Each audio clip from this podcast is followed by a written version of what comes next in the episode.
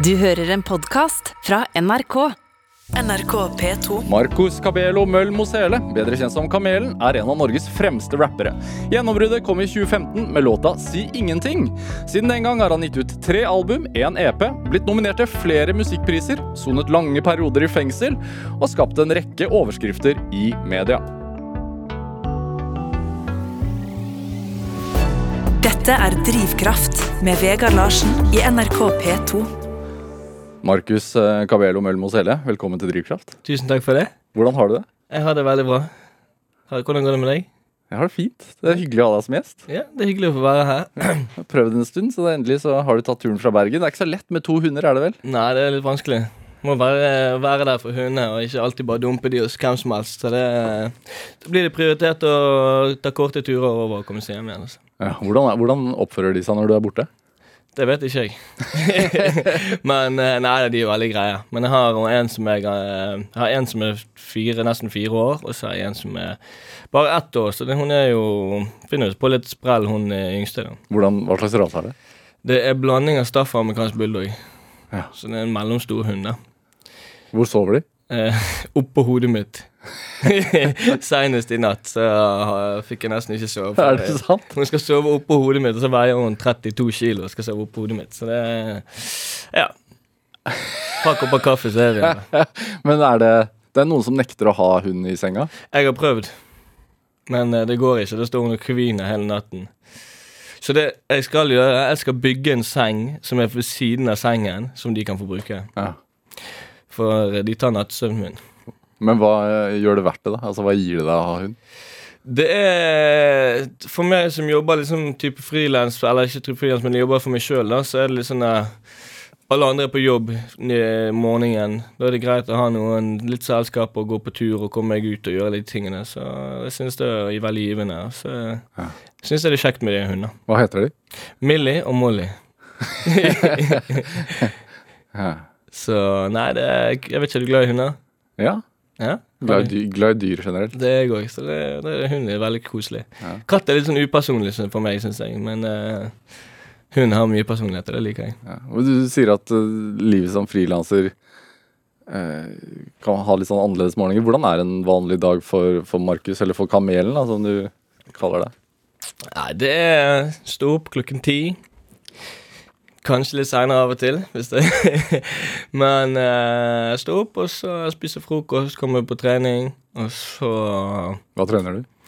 bare sånn Ja, styrke og litt sånn Ikke noe sånn eh, crazy greier. Men uh, også gå på tur med hundene, gjøre morgenen, og så Ja.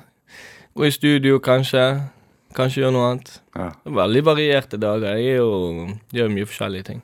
Er det Men går det å tenke på musikk hele tiden? Nei, det er liksom periodevis. da for Sånn som jeg jobber uh, mye en periode, sånn som jeg gjorde i år. Det korona, ja, det koronaåret som var i fjor, da. Eller vært dette året her. Så jobbet jeg veldig mye tidlig på året, og frem til sånn sommeren. Og så har liksom brent opp det kreative, på en måte. da og da eh, bare plutselig går jeg sånn her Nå tenker jeg ikke på musikk i det hele tatt i to-tre måneder, og så begynner jeg på'n igjen. Mm. Så må liksom Må kanskje bare være kreativ hele tiden. Man må jo også leve, og da blir man kreativ igjen, på en måte. Trenger du det? De pausene? Ja. Kunst, kunstnerpause. Ja, men, ja, men, ja, men, ja, men, sånn rent faktisk? Ja, jeg, jeg må ha de pausene. For det, hvis ikke så blir det bare vas. Man kan ikke hele tiden prestere, liksom. Nei. Man må gå litt sånn som Bjørn, gå litt i hi, igjen, så komme ut igjen. Ja. Så, apropos dyr. Hvor skriver du da? Hjemme? Eh, nå i det siste så har jeg ikke giddet å gå i studio, fordi jeg har, ikke, jeg har nettopp hatt en sånn pause. Så nå, men nå merker jeg jeg begynte å bli kreativ igjen, så da skrev jeg faktisk en låt i sengen klokken ett på natten for eh, tre dager siden. Hva handler den om? da? Faen, jeg må inn og se. det handlet om noe. Skal vi gå inn og se? Skal vi se her uh... Jeg ble ringt av en fra Drivkraft, skjønner du. Fra Guro. Så jeg bare sånn Ja, driv, hva driver, driver deg? Så, Ja. Så bare, da må jeg fikk jeg drive igjen, da. Så Det er veldig bra vi kan inspirere, da. Det handler egentlig om å bli sviktet av en venn, på en måte. Ja. Ikke sånn spesifikk, men det er liksom bare sånn generelt. Hva starter Eller det, det begynner med at hvis du går god for noe sant? Jeg, jeg kan bare lage et eksempel her. da Eller jeg kan, dette er fakta, da. Men jeg eh, har en kompis som driver et firma mm. med stillas. Så hadde jeg en kompis som kom fra Tyskland til Norge. Og så trengte han en jobb. Og så fiksa jeg en jobb i det stillasgreiene. Og så eh, plutselig så ringer han fyren. Hva faen er det for en fyr du har fått på til å komme? For han dukket ikke opp på jobb plutselig. At han jobbet der i to måneder, og så sluttet han å komme. Og da hadde jeg gått god for han. Og så pisser han meg på ryggen, for det er jo flaut for meg som går god for en fyr. Så han er flink og kan jobbe hos deg. Han får jobben, og så dukker ikke han opp på jobb. Og det er jævlig irriterende. Og det blir til en For ting kan få konsekvenser for meg som går god for en person. Ja. Og det handler det om. Dette er ikke helt det samme, da, men ikke det samme. Du går god for noen, og så går det til helvete. Så det kan være sånne ting som, som, skaper, som skaper en Starter det da med en linje, eller? ja. Det tror jeg sier du sa, du sa det var 100 Et eller annet sånt. Ja. Og så Hva sier jeg? Ja, du sa det var 100% men mine sjanser ble brent. Dette er inkompetent, og det kan aldri bli gant Og det får vi høre om et halvt års tid, kanskje. Ja. Dette er Drivkraft med Vegard Larsen i NRK P2. Og i dag har jeg rapperen eh, Kamelen her hos meg i Drivkraft på NRK P2. Jeg så det akkurat i eh, TV-serien Haik, eh, som sendes her på NRK, en sånn musikkprogram. Eh, der, der er eh, en av vennene dine med, Adrian Kristoffer Endel, eh, som sier at ja, Som beskriver deg som en sånn grenseløs type. Eh, gutten har aldri tenkt seg om, sier han. Mm. Kjenner du deg igjen i det? Ja, jeg kan jo delvis gjøre det. Jeg vært Altså, jeg er jo veldig impulsiv, da, så jeg er flink til å tenke. Jeg har jo tenkt meg om, men jeg er flink til å tenke etterpå. Ikke i øyeblikket. Nei. Så det kan jo være litt eh, eh, komplisert, eller kan havne i situasjoner som ikke alltid er så heldige. Men hvordan kan det arte seg sånn på, på sånn det daglige basisen, liksom? Altså, jeg kan si ting, og så kan det Så jeg kan være for ærlig, da, og så tenke sånn faen, kanskje jeg, ikke, kanskje jeg skulle sagt det på en finere måte til den personen. da. Men samtidig som er jeg en person som ikke liker å gå rundt grøten. da, Eller øh, jeg liker å si det akkurat som det er, for det liker jeg når folk gjør med meg òg. Men Ærlighet, rett og slett. ja, men så når jeg gjør det med folk, så har til og med Adrian sagt sjøl Unnskyld, Adrian, at du, han liker ikke at jeg er så, går så rett på sak. For han, han vil heller at jeg skal si ja, men du må sånn og sånn. Så ja, at jeg ikke Jeg har ikke noe filter mellom hjernen og munnen. da. Og det kan ikke, ikke alltid være så populært. Det- Jo, det er jo populært, men det, det er jo bare noen som Det er noen som er mer forsiktige enn andre, da, på en måte. Og vil ha den eh, mer forsiktige pedagogiske forklaringen på noe, kanskje, istedenfor å bare sånn Faen, du må gjøre sånn, skjerpe deg, og Den ekte og direkte, bare bam, bam. Men er det en god ting som rapper? Det er kanskje det, jeg vet ikke. Det er opp til deg å tolke. Nei, altså Hvis vi, altså så, Vet ikke hvor mye sånn freestyle-rapping du driver med, men det er kort vei fra hjernen til munnen. Jo, det lønner seg, det. det. Ja. Ja. Jo da, det gjør det. det er det. Det en positiv ting. Ja. er det, men han var en av de som introduserte deg for, for, for rap? Eller? Nei, altså, jeg ble jo introdusert til rapp eh, langt lenge før det, altså, med tanke på sånn, med, med lytting og sånt. da, altså, jeg hører på det. Men eh, han, det var meg og han som startet sammen med å lage musikk. Ja. Når var dette her? Det var vel i 2014 eller 15. 20, jo, I 2014-2015. Sånn SoundCloud, det den SoundCloud-tiden hvor det var liksom en, var en greie, da. Ja. Og ja. Jeg, jeg, jeg, vi lagde Vi hadde en rappgruppe med det skandale... Nei, det, hva skal man si? Det klassiske navnet Rap Street Boys, som er egentlig et legendenavn, men eh, Back, Backstreet Boys? Ja, ba Rap Street. Ja, ja, men Ja. spilte på Backstreet Ja, Boys? ja. Ja. Og så sklei det ifra hverandre. da Ikke pga. noe eh, mer kompliserte greier, at jeg ville mer rapp enn det han ville. Han ville bare leke litt og ha det gøy og sånt. Men for meg så ble det Jeg ville gjøre det. Mm. Hva var det som gjorde at du liksom oppdaget at du hadde kjærlighet til musikk, da? Altså, min far er musiker, min onkel er musiker, så jeg har jo det litt i Jeg kan si i meg. Er det lov å si det uten å være arrogant? Absolutt. Erik Møll, onkelen din. Stemmer det? Country. Ja. Og min far er jo som har vært veldig stor artist og vært på verdensturné. Ja. Mye Kenya og, og sånne ting, men også i verden. Ja. Ja. Så ja. Så jeg har eh, Men så har jeg ikke hatt så mye kontakt med min far, da, sant? så det er liksom ikke jeg har ikke blitt introdusert til det på, via han, på en måte, men det har liksom kanskje lagt latent i meg. da på en måte, Og så bare begynte jeg å like å gjøre det. Ja, var det men det var mye musikk i hjemmet? Ja, jeg har vokst opp med musikk. Eh, mye klassiske ting fra Ibika Bedu til eh, Fikk alle hiphop-plater, CD-er av min onkel. Altså ikke Erik, men min filleonkel som jeg har. Mm. Som var, så det er egentlig frøet. Liksom, jeg tror han ville at jeg skulle høre på hiphop, siden han pushet de på meg hver jul, så var det en ny CD. og, og jeg husker sjøl jeg, jeg, fikk eh, en MNM-CD av han som jeg gikk på Jeg hadde en sånn spiller på rommet som gikk hele tiden, og ja. Så ble jeg tidlig introdusert til rapp, da. Mm. Når var det du prøvde deg først sjøl? Jeg tror jeg, jeg, jeg, skal, jeg, vet Det er vanskelig å si, men altså, jeg tror første gang jeg prøvde sånn skikkelig, var når vi begynte å lage det. Så jeg hadde sikkert, jeg tror ikke jeg har skrevet noe, eller men jeg drev sikkert og køddet og freestylet og sånn, da, men uh, det kan sånn svakt i minnet huske at det var veldig sånn freestyling og sånt, da, men uh, var ikke helt det store.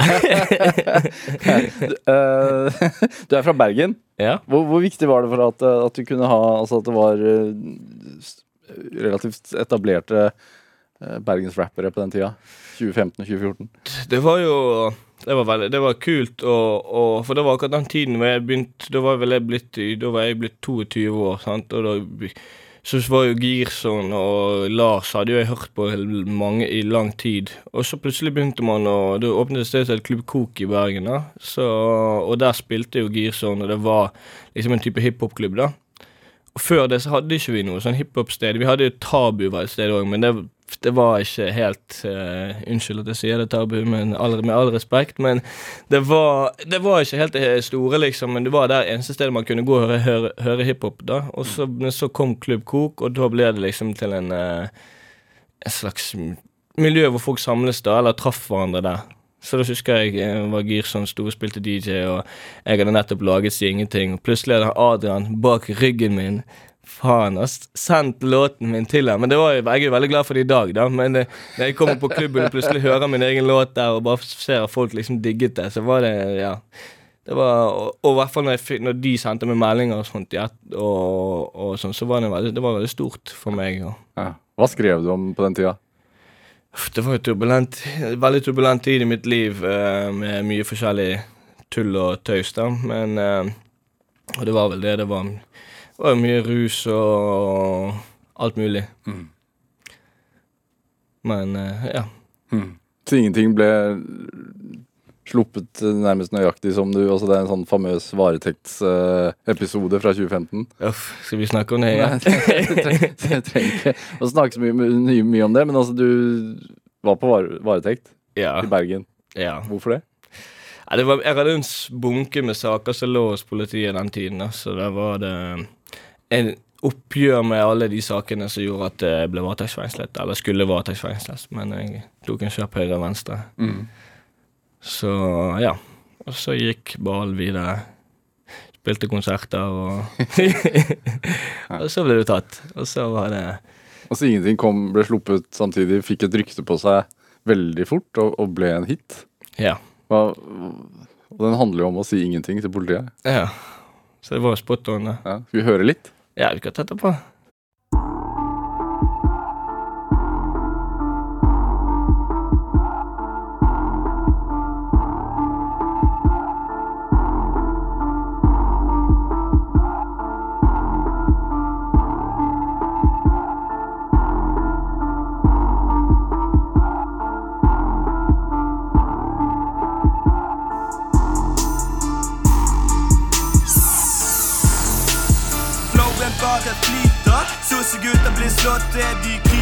Og tøsen din sin blowjob, den stryker. Din ånde lukter dritt, drikk mekum. Til mine muslimer, salem aleikum, waleikum salam. Tjommi tenker stort, men han har ikke noen plan. Jobbet hardt og gjort alt han kan. Tankegangen voksen lenge før han ble en mann. En skrev mann, en skrev tanker, skrev han. Han snakket ut om sine erfaringer, din faringer. Du henger ut med raringer. men setter imot betalinger. Henger ut med galninger, mens du løper rundt i ballvinger. Gever mot og du ringer, jeg bringer. Hatere og snus, de får min lange finger. Tjommi setter fyr på gamle minner, gamle synder. RX-spiller og ekte vinner. XI-piller til hodet spinner. Hodet koker, hodet loker. Fanger høn som fiskekoker. Klekker egg og glasser toker. Om snuten spør, si ingenting. Ingenting, ingenting, ingenting. Om hvorfor jeg har diamant på min lille fing. Lille fing, krystaller opp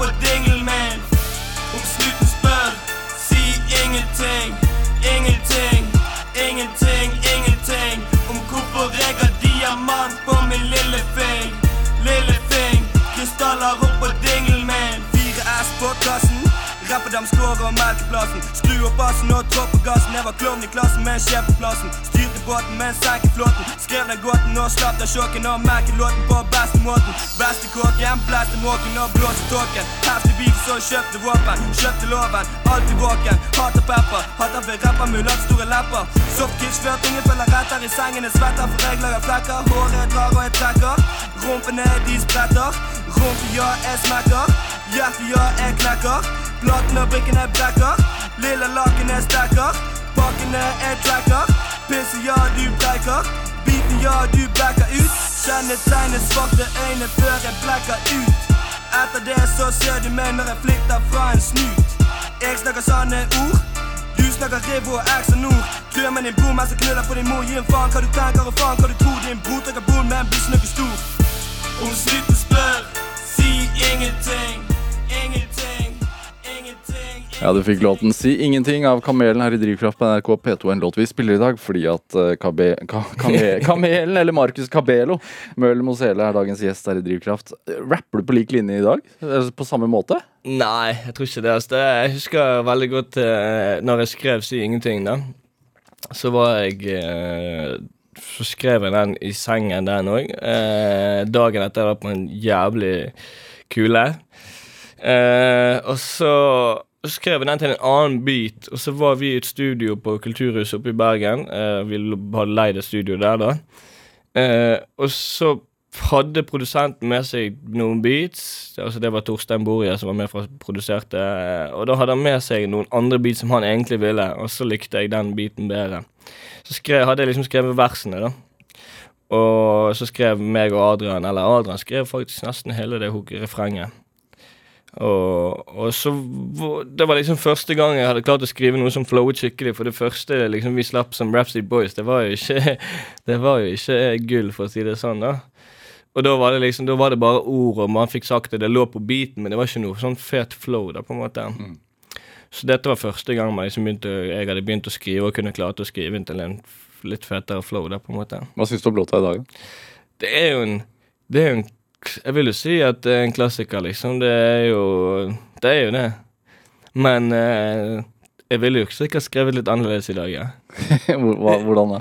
Nei, altså, jeg ville skrevet seg Altså, jeg kan ikke si at jeg angrer på noe som jeg har skrevet, men det er jo noe med å, å Man kan fint snakke om, uh, om, om rus og sånne ting, men det, det er litt Prøver i dag å heller prøve å pakke det litt inn. Det er ikke sånn at det er så tydelig. Du kan si at man bruker noen kodeord og, og litt sånn at ikke det er så tydelig, men her nevner man liksom alt sånn som det er rett på, liksom. Ja, hvorfor prøver du å pakke det inn? Nei, for da er det opp til tolkning, og de som vet, de vet, sant? Istedenfor at uh, At uh, du sier det sånn åpenlyst, da. Hva tenker du om liksom, kritikken som har kommet uh, mot noe av musikken din? Altså at eh, det handler om en eh, romantisering av en uh, lyssky vir virkelighet.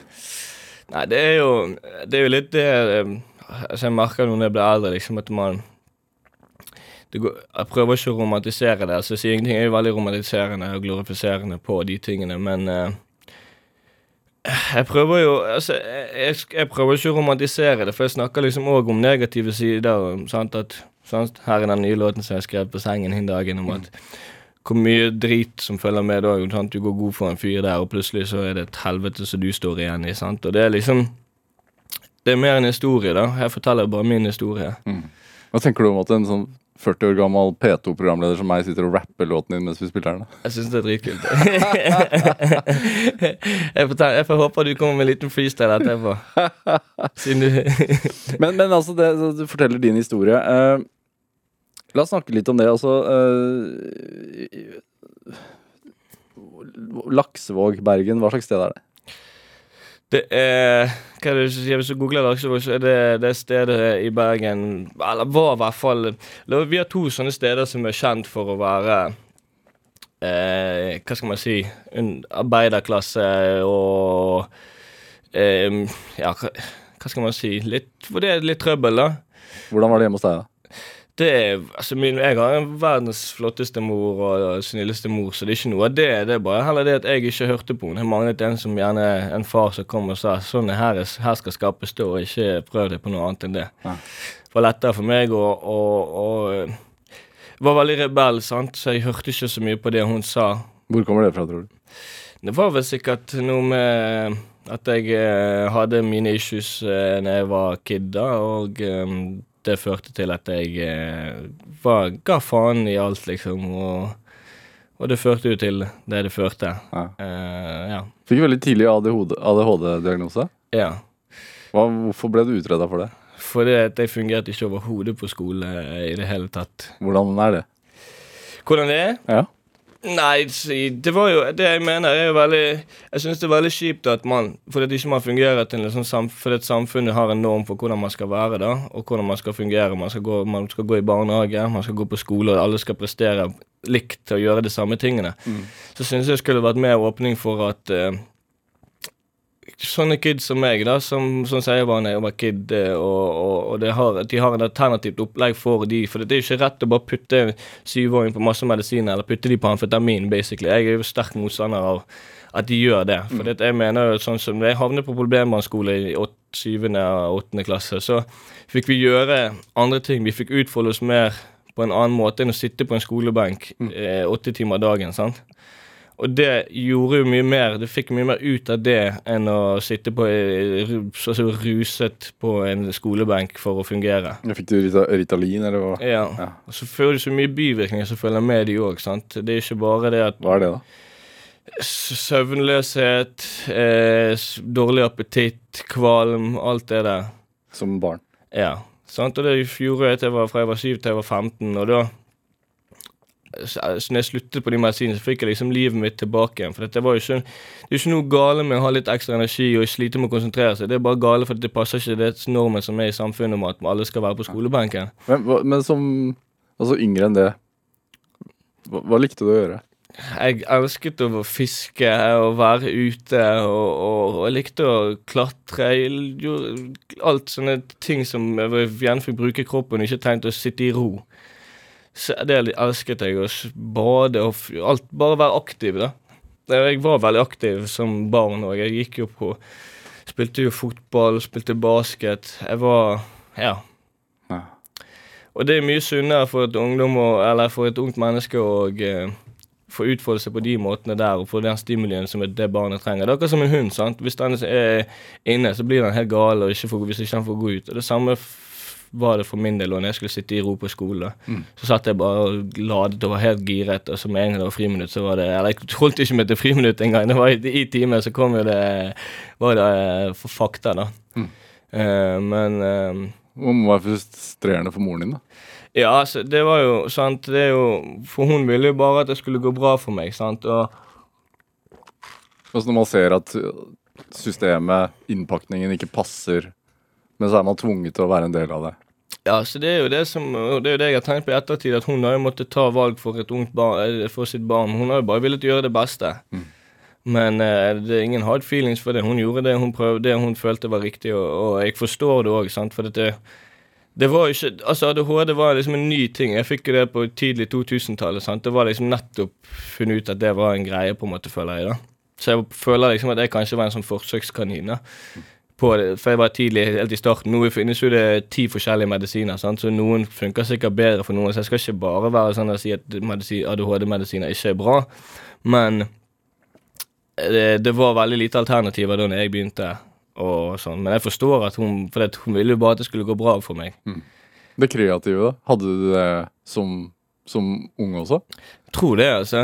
Jeg tror jeg var egentlig kreativ, men jeg måtte bare vite hvor jeg skulle være kreativ. Si? Eh, altså Som tenåring så valgte jeg å prøve å være kreativ på andre steder enn der hvor jeg skulle ha gjort det. Aha. Men der mener jeg igjen, jeg skal ikke skylde på noen, men altså hvis skole hadde vært flinkere til å prøve, kanskje få de som var litt sånn For det er ofte sånn vi som har ADHD, er gjerne kreative mennesker, og eh, prøve å putte de inn i en bane hvor det er tegning, eh, kunst, eh, musikk hvor man får gjøre noe istedenfor å sitte og skrive og regne og sånne ting som en, en person med ADHD ikke finner noe syns ikke noe gøy i. Prøve å få utfolde seg på de måtene, så tror jeg det kunne vært en veldig god løsning. Så nå har jeg løst verdensproblemet her med ADHD og unge barn. Men kan du, Klarer du å beskrive hvordan det var å sitte i klasserommet? Det var Jeg satt bare altså Det var som eh, Hva skal man si det? Det var som å, å å putte et vilt dyr inn i et bur. Og så skal det Det følte jeg, liksom. For jeg sant, får du kjeft av læreren. Må- Jeg må huske det var en periode på barneskolen jeg måtte sitte. Jeg fikk ikke sitte i klassen. Jeg måtte være på kontoret.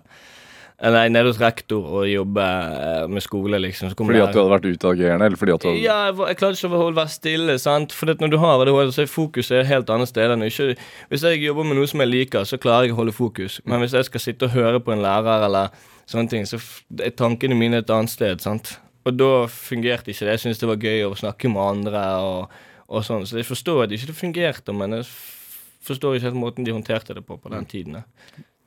Hva drev moren din med da du vokste opp? Hun er pedagog. Så hun har jobbet i, hun har jobbet i Nav og Ja. hjulpet eh, folk med Faktisk vel, hun er veldig flink på ADHD, for hun har jobbet med ADHD og eh, Hva heter det andre som eh, Ikke autist, men uh, Asperger. Så hun har jobbet med å prøve å få de i jobb, da. Så hun er veldig pedagogisk, og det går litt for sakte for meg, så det er et veldig problem når hun ringer til meg og snakker til meg som en pedagog, og så sier jeg 'kom til poenget', for jeg liker tikk, tikk, tikk. Sånn er det. Ja.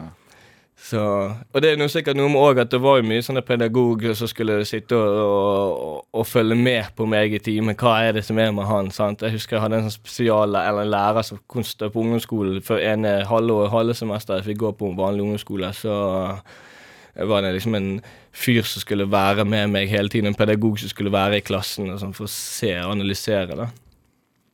Hvordan er det? Å bli liksom opp, opp, blir bli observert? Ja, Det er jo sikkert altså, jeg, det er jo sikkert rart. eh, Eller jeg følte sikkert at det var rart. Um, Følte du deg som en Altså man, man, da føl, man føler seg som en outsider. Man føler seg som annerledes. Ja, kanskje, men ikke på den tiden. Nå tror jeg jeg slet med å finne min plass. sant? Og det, da Når du er så ung, så klarer ikke du å tenke, på de, tenke i de baner. At det, da er bare, Du bare flyter med det, og så går det i de banene det går. da. Så Men i etterkant så tenker man det at det sikkert har ikke vært så jævlig gøy hvis jeg skulle sittet her med NRK, så hadde Lisa måtte sitte her og passe på at alt jeg sa, var riktig. Nei. Er det Du nevnte faren din. Mm. Mm, som Har han vært en del av livet ditt? Jeg vil ikke si det, nei. Han har ikke vært en del av livet mitt. Det har han ikke. Men du, du nevnte at han hadde, var musiker. Ja. Tror du man arver eh, musikalitet? Ja, jeg det tror jeg, altså. Samme som min alle, Fetteren til min mor var jo Bård Breivik, en flink kunstner. Kjent billedkunstner, eller sånn billedkunstner mm. Ja, skulptur og sånt. Så, så jeg tror det er Man kommer fra en kreativ eh, Men ikke nødvendigvis. Det kan at jeg sånn eh, bare har tenkt det siden det er blitt pl- plottet i hodet mitt om, det, at, om at det er sånn det er. da. Men eh, absolutt, det er jo det, det er mye trekk som går igjen i en familie, da. Eller en slekt, på en måte, hvor, hvor uh, han kan minne om en fetter, og han kan minne om en sånn, at, at det går litt igjen, da. Mm. Kanskje. Hvordan var det at Så det er ikke håp for dere andre som ikke har noen kunstner? Nei, det er det. Jeg tuller. Det er masse håp for dere alle sammen. Men eh, du nevner jo Du nevner jo hvordan det er å vokse opp eh, uten fedre i, i, i låta di 'Vil bare vekk'. Mm. Er det Hvordan var det? man merker at i hvert fall for en som er sånn som meg, eller sånn som jeg var, da, så er det liksom Det er jo absolutt vi som trenger å ha en far, fordi at uh, hvis ikke så søker man uh, Ja, man søker det forbilder i andre, da. Og det trenger jo ikke alltid å være sin eget. Det er så positivt. Det, og det er noe med Og da ha en, et sunt forbilde som er der eh, for deg, da. Det tror jeg er ekstra viktig. Som kan ta deg med på fisketur. Ja, for eksempel. Og det gjorde min filleonkel. Han tok med når vi var på hyttene og sånn, så tok han meg alltid med. Men det er noe med at de òg har jo gjerne egne barn, og så skal de da prioritere en ekstra jypling som fra andre siden. Så det er litt Man trenger noe fast, på en måte, da. Ja. Og, og man merker jo det når man går på foreldremøte, sant, og, og alle andre har med seg to foreldre. Og så er du den ene som ikke har det. Så det er noe med det uten, ikke utenforskapet. Man skal ikke bare dra det inn, men at man merker at, man andre, at livet, livet ditt er annerledes enn andre. da. Om det preger deg eller ikke, det er vanskelig for meg å si her i dag, men som liten så kan jo det hende at det gjør det. Ja, hvordan preget det deg? Kanskje det var det som Jeg skal ikke si at det av det som gjorde jeg sånn, men altså At man eh, Det er jo det er en veldig Det er en fasit, eller det er en statistikk som er ført på at eh, folk som er vokser opp bare med mor, gjerne havner litt på skråplanet. Om det er en reell faktor eller ikke, for det er jo veldig mange som også klarer seg. Men det har jo med personlighet og hvordan man er som person, da tror jeg også. At noen som er ADHD og ikke har, har litt sånne ekstra ting, så blir det, kan det bli verre, da. Var det en vanskelig låt å skrive? Vibba vekk? Eh, Ja, det er jo en, altså det vil bare vekk er mitt verk, og det er Eller er mitt, mitt verk som jeg er mest stolt av, da. For det er, det er en låt som har mye betydning og følelser i seg, og det er, ikke, det er kanskje, kanskje det vanskeligste å skrive om. Det er veldig lett å skrive om hvor gøy det er å feste og drikke og Ja. Ja. Men å gå inn i seg sjøl og, og skrive sånne låter er vanskelig. Hvorfor gjør man det, da? For det, man, det er jo de låtene som er det, det er jo det som er en skikkelig låt, spør du meg, da. Skal vi høre? Ja, gjør det. Jeg bare vekk, jeg bare fly til et sted der ingen finner meg. Yeah. Og jeg kan spise mat i fred uten at du ser. Bare la meg være i fred, bare la meg være i fred. Jeg bare vekk, jeg bare fly til et sted der ingen finner meg. Yeah. Og jeg kan spise mat i fred uten at de ser. Bare la meg være i fred, bare la meg være i fred. Hei, livet kan ha to sider som en omelett. Det er vanskelig å skille mellom galt eller rett. Det er ikke alltid man blir hørt eller sett. Og hvem kalte livet til en normalett? Du vant i går, jeg vant i dag. Bak en vinner finnes mange nederlag. Jeg gjorde jackpot i fjor, som jeg deler med mitt lag. 100 000 ganger 10. Hva skjer? Mye vil ha mer.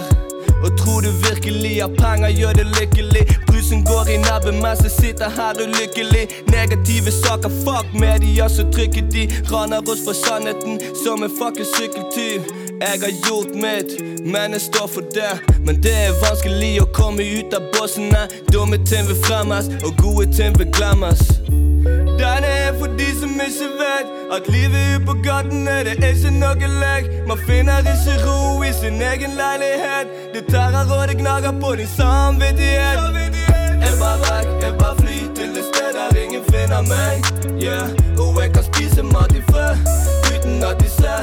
Bare la meg være i fred, bare la meg være i fred. Hei, livet kan ha to sider som en omelett. Det er vanskelig å skille mellom galt eller rett. Det er ikke alltid man blir hørt eller sett. Og hvem kalte livet til en normalett? Fedreløse barn som blir til kriminelle. Innestemt med følelser som de bør fortelle. Hvilken diagnose det er vanskelig å velge. Det er trist å se hva som faktisk skjer. Svake folk i samfunnet blir tråkket ned. Man soner dommen sin og kommer ut til ingenting. Samme overmakt som følger etter ryggen din. Du tror du kjenner han, kanskje lite grann. La meg fortelle deg en ting om han han griner hver kveld for sin sønn han kun får se iblant. Jeg føler folk rundt om her er bind, men dette her er sannheten og historien min. Den er for de som ikke vet at livet ute på gatene, det er ikke noe lek. Man finner ikke ro i sin egen leilighet. Det tærer og det gnager på din samvittighet. Jeg bare vekk, jeg bare fly til et sted der ingen finner meg. Yeah.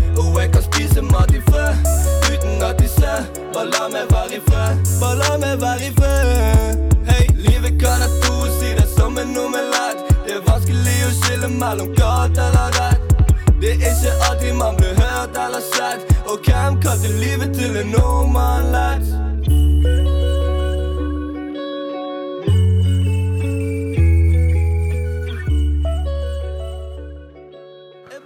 Ja, Du fikk eh, låten 'Vi ba vekk' eh, her i Drivkraft på NRK P2. En eh, låt vi spiller i dag fordi at uh, låtens artist Kamelen er her i studio sammen med meg. Uh, det, det er en vanskelig låt for deg å skrive. Mm. Eh, hvordan er det å høre, høre linjene du eh, har skrevet? Det er jo altså nå det er jo lenge siden den ble skrevet og, og spilt inn, men uh, det er jo jeg, det er favorittlåten min av det jeg har laget. Og skulle ønske jeg bare kunne lage sånne låter, egentlig, men det det hadde blitt kjedelig, det òg. Men uh, det er en fin låt, og jeg, det er jeg, kanskje den jeg er mest stolt av. Er du sint på faren din? Jeg har vært der. Mange Vært der fra jeg var liten og sånn, men eh, nå er liksom det Hvis jeg skal gå rundt og være sint for noe sånt så det er hele livet, så det er jeg som taper på det i lengden. Så det har jeg liksom lagt fra meg. Så nå skal jeg faktisk til eh, ned til han i Botswana og besøke han. Øh, og, men jeg gidder ikke liksom lage noe dårlig stemning, for det er jo bare Eh, det, det eneste som er fint med det hele, er at jeg, jeg vet i hvert fall at jeg aldri skal svikte mine barn. Og det er jo en fin ting å, å lære av en sånn situasjon, istedenfor grunn til å og være en sur, gretten eh, mann. Men man stiller seg sikkert spørsmål. Du har en linje i den låten også som er, noe sånn som du tror du kjenner han kanskje lite grann. La meg fortelle deg en ting om han. Han griner hver kveld for sin sønn han kun får se iblant. Mm. Jeg har jo en sønn Ja. mm, hvor ting var Jeg var veldig ung. Og det var litt sånn eh, Det var litt komplisert. Eh, det var skal, Altså, det, det var hun Jenten var et barnevernsbarn. Jeg var den jeg var.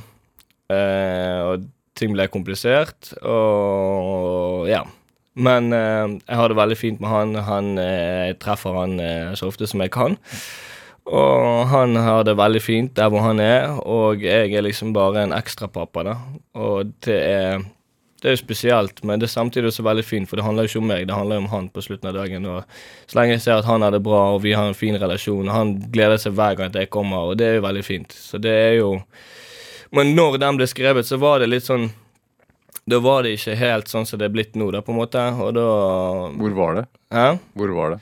Nei, Da var det liksom i den fasen hvor, hvor man skulle da velge, for da var det liksom sånn at han var hos et fosterhjem, sant, og skulle jeg da velge å kjempe for han da han bodde der, jeg satt inne, sant, og når jeg kom ut, så var det sånn, de, da ville, var det spørsmål om de skulle få adoptere han, og da sa jeg, gikk, gikk dypt inn i meg selv, og så tenkte jeg, hva er det som er rett? Det er min sønn, men er det, det, det føles jo feil, men samtidig så blir det feil av meg å røske han fra det han kjenner, sant? Da har han vært der siden han var siden han var et par uker gammel, så har han vært der, sant? og da er det feil av meg å røske han fra det han kjenner, og prøve det. Så da sa jeg ja til det, da. Og det var et valg jeg slet med en stund, men i dag når jeg ser hvordan han har det, og hvordan vi har det sammen, så er det Og, fosterfamilien er kjempefin òg.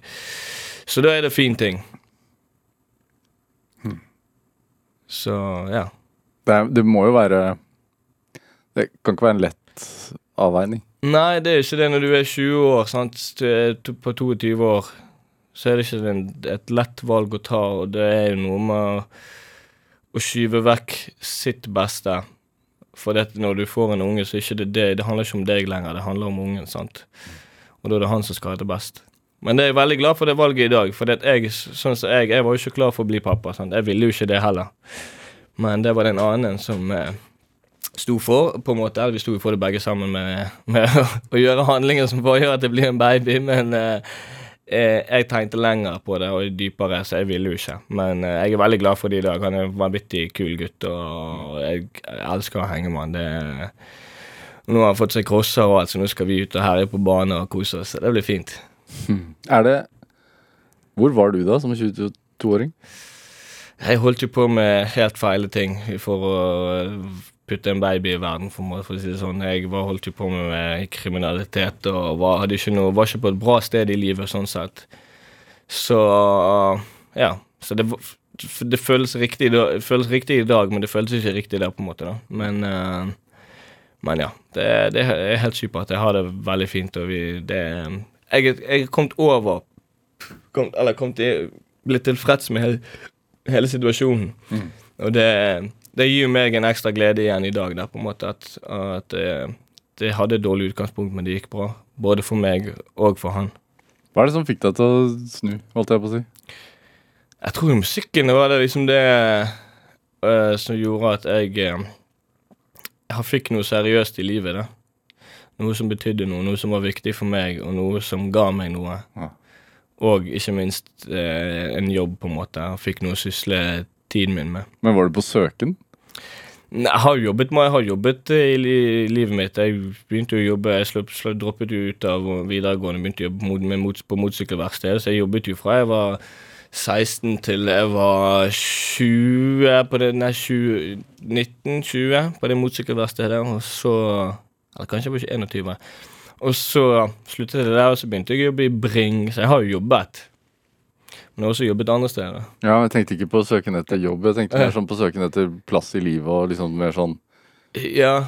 Jeg ho- holdepunkt. ja, eh, ja, jeg var jo søken på Jeg var veldig spenningssøkende. Det er jo jeg ennå. Ja. Er Derfor du står motocross og dykker og Ja, ja. Ja. Så det jeg eh, Ja, jeg var veldig søken på Eller på eventyrlisten og sp søk på søk etter spenning, og det Men nå er jeg kanskje blitt litt flinkere til å søke i de rette kanalene. ja. Er det noe man bestemmer seg for? Nei, Jeg tror det faller litt på plass etter hvert som ting i livet rundt deg faller på plass. At man får noe, noe som betyr noe i livet ditt, så blir det lettere å søke etter og få spenningen utfoldet på en riktig måte. da. Ja. Hvor viktig har Leo Ajkic vært? Skal jeg si det ærlige meningen, eller skal jeg si det jeg har lyst til å si på kødd? hvis jeg skal si på kødd, så jeg sier nei, ingenting. Men eh, hvis jeg skal være ærlig, så har han hjulpet meg mye.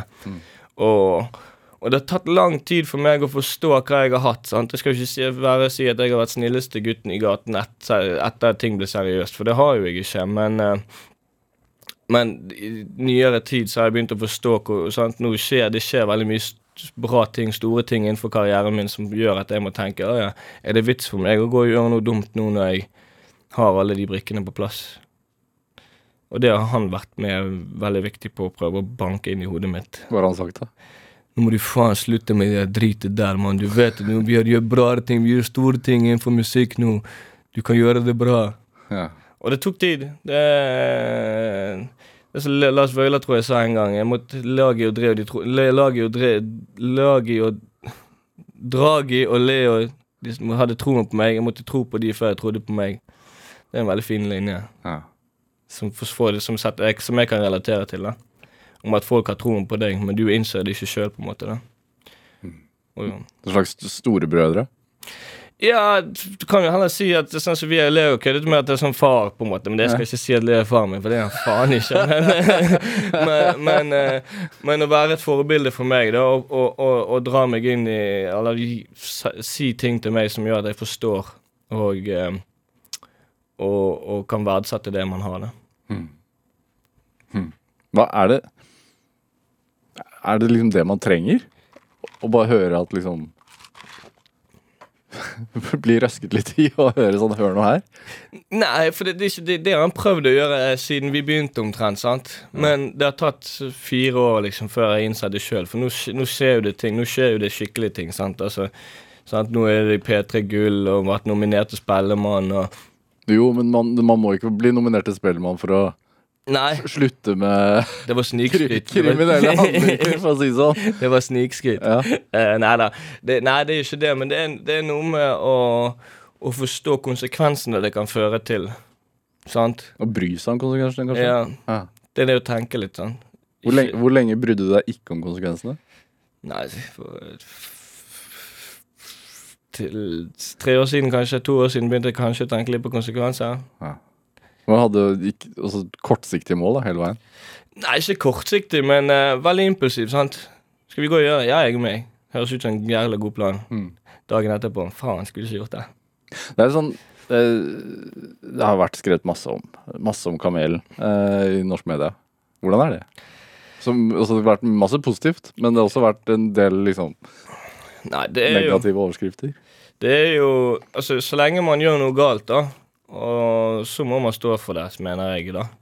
Men eh, i, sånn som i den saken hvor jeg var siktet for det der ranet og det tullet der, så var det liksom Da ble jeg stemplet som skyldig lenge før jeg beviser alt som var lagt fram. Mm. Men det på grunn av, sikkert pga. historien min eller hva det er som gjorde det, så var det fullt navn i alle medier. og Og, og det er jo ikke noe kjekt, for det, da får jo ikke Det er liksom altfor tidlig til å si sant? Man, er, man er jo ikke man er, man, er, man er ikke skyldig før eh, Nei, et eller annet. Man er uskyldig frem til et eller annet.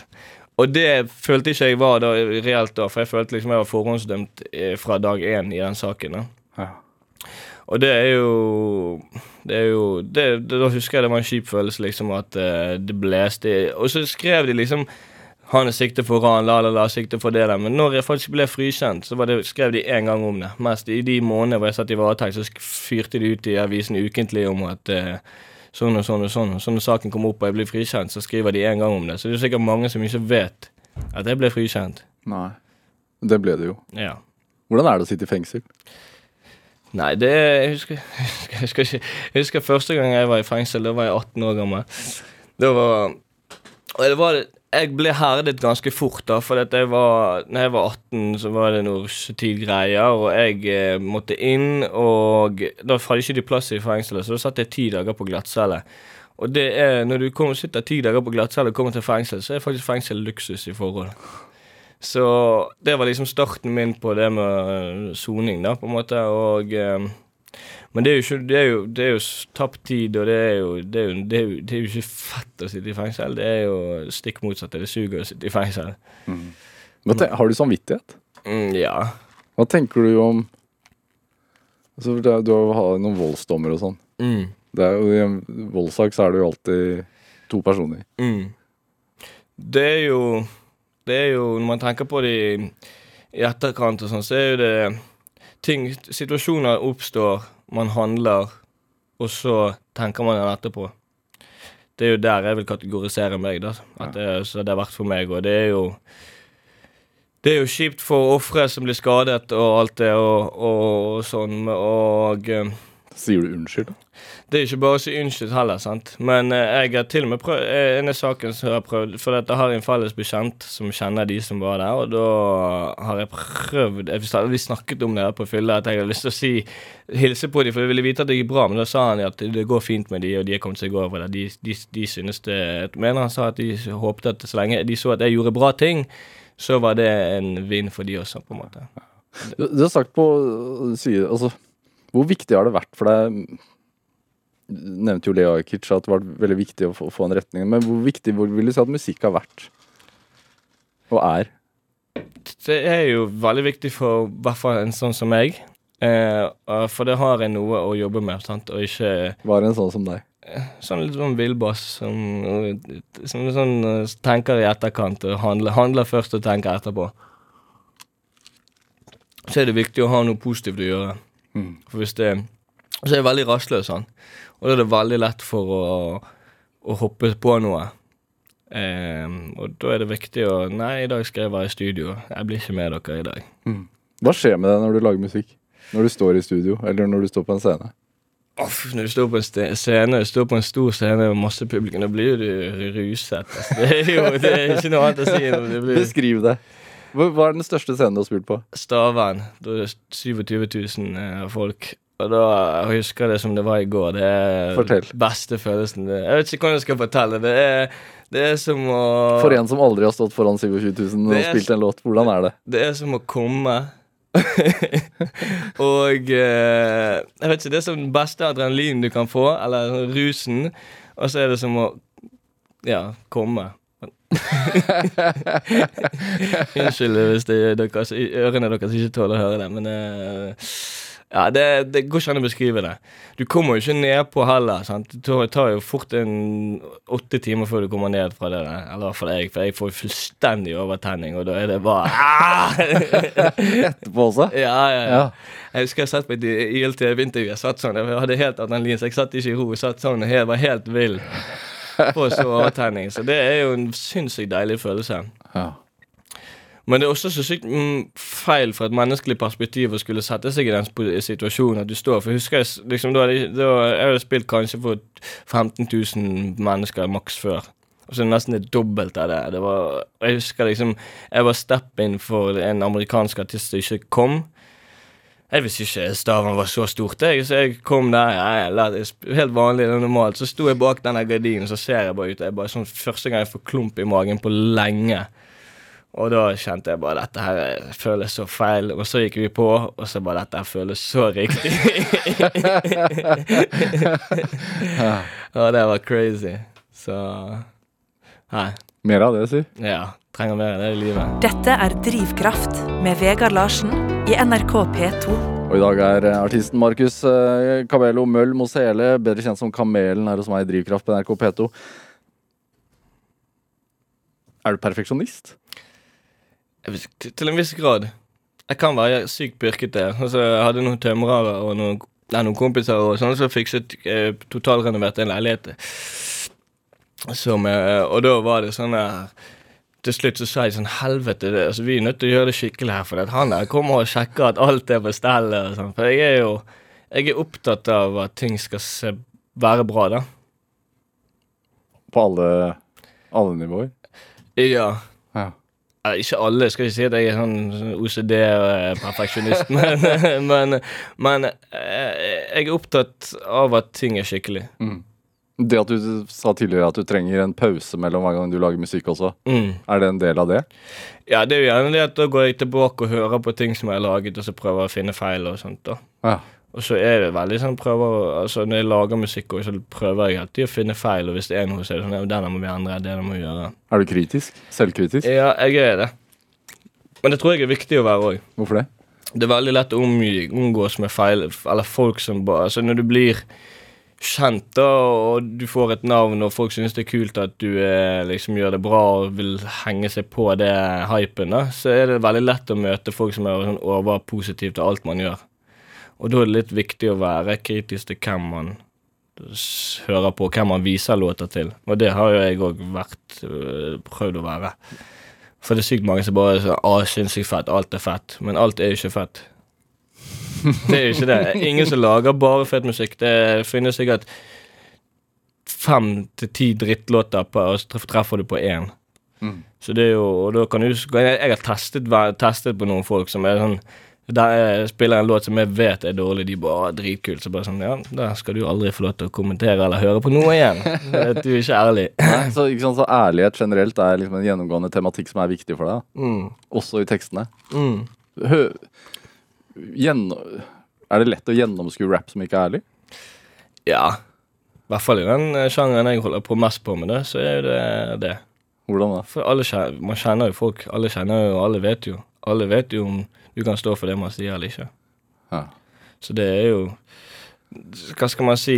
Den type sjangeren jeg har, så er det et museum innenfor den Hva, hva slags sjanger vil du definere det som? eh, gaterapp. Og da er jo det Gatene er ikke så store. så folk vet jo. Ja. Og folk blir jo arrestert på det der titt og ofte. Hvis du sier ting du ikke kan si, nei, så du kan stå for, så blir man tatt på, eller, tatt på det.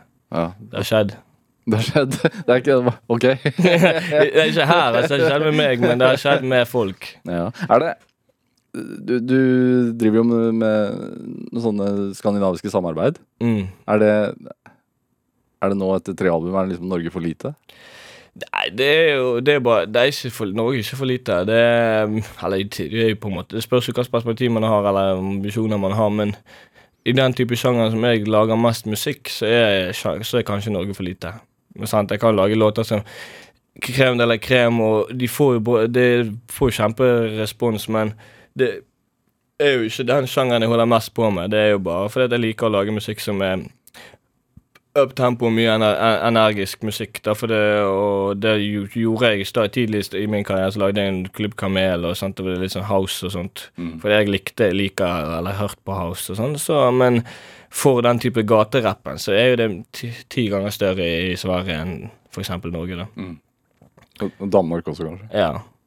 Der er jo det det som Altså, i Sverige vinner jo de, de, de, Det er kun gaterapp som vinner pris her, på P3 Gull og Grammys og alt det. Omtrent. Mm. Eh, så mest i Norge så er det en det, det markedet litt mindre, da, på en måte. Hvordan utvikler man seg liksom med årene som rapper? Eh, Kan, kan man være drive med hva skal man si, gaterapp når man er 40? 50? Det finnes jo folk som gjør det, så lenge de fortsatt har eh, litt kontakt i Eller så lenge de er litt i, i Hva skal man si I de kretser, da. Så kan jo man det, på en måte. Men uh, det er jo sikkert en periode hvor man blir voksen og legger litt det der med et vekk til side og tenker Det begynner jeg å tenke på sånn nå og ikke sånn Jeg skal slutte å lage den musikken, men at jeg tenker at uh, Hva jeg tenker over det man sier, da. Litt mer. Hvordan da? Uh, nei, hvordan altså, istedenfor å snakke om det som en glorifiseringsbit, så prøver man gjerne kanskje å snakke om det, men også eh, en tvetydig, da, hvor man sier begge deler i en låt. Sant, om at gjerne man Ja, jeg vil ikke gå for dypt inn i det. de, de får høre. Ja. Hva, te, hva, te, hva tenker du liksom, gjør livet godt å leve?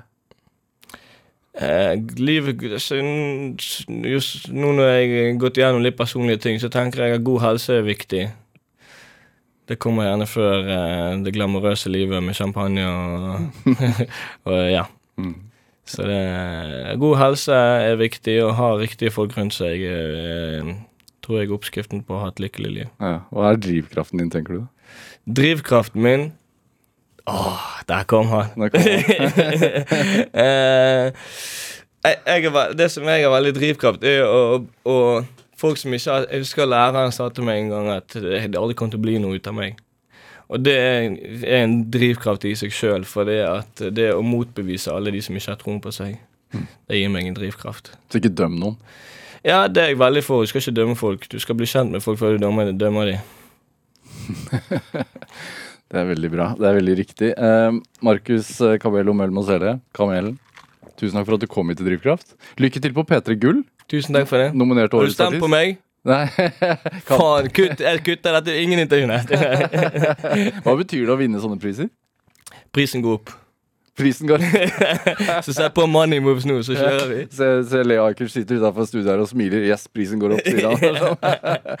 Tusen takk for at du kom hit til Drivkraft. Tusen takk for at jeg fikk komme. Hør eh, flere samtaler i Drivkraft eh, i appen NRK Radio eller på nrk.no. Send oss gjerne ris og ros og tips til mennesker som du mener har drivkraft. Send den e-posten til drivkraft. Vi hører gjerne fra deg. Produsent og researcher i dag var Guro Thomasdatter Aasåren. Anne Sofie Stang bidro også sterkt til denne sendingen. Jeg heter Vegard Larsen. Vi høres. Du har hørt en podkast fra NRK. De nyeste episodene og alle radiokanalene hører du først i appen NRK Radio.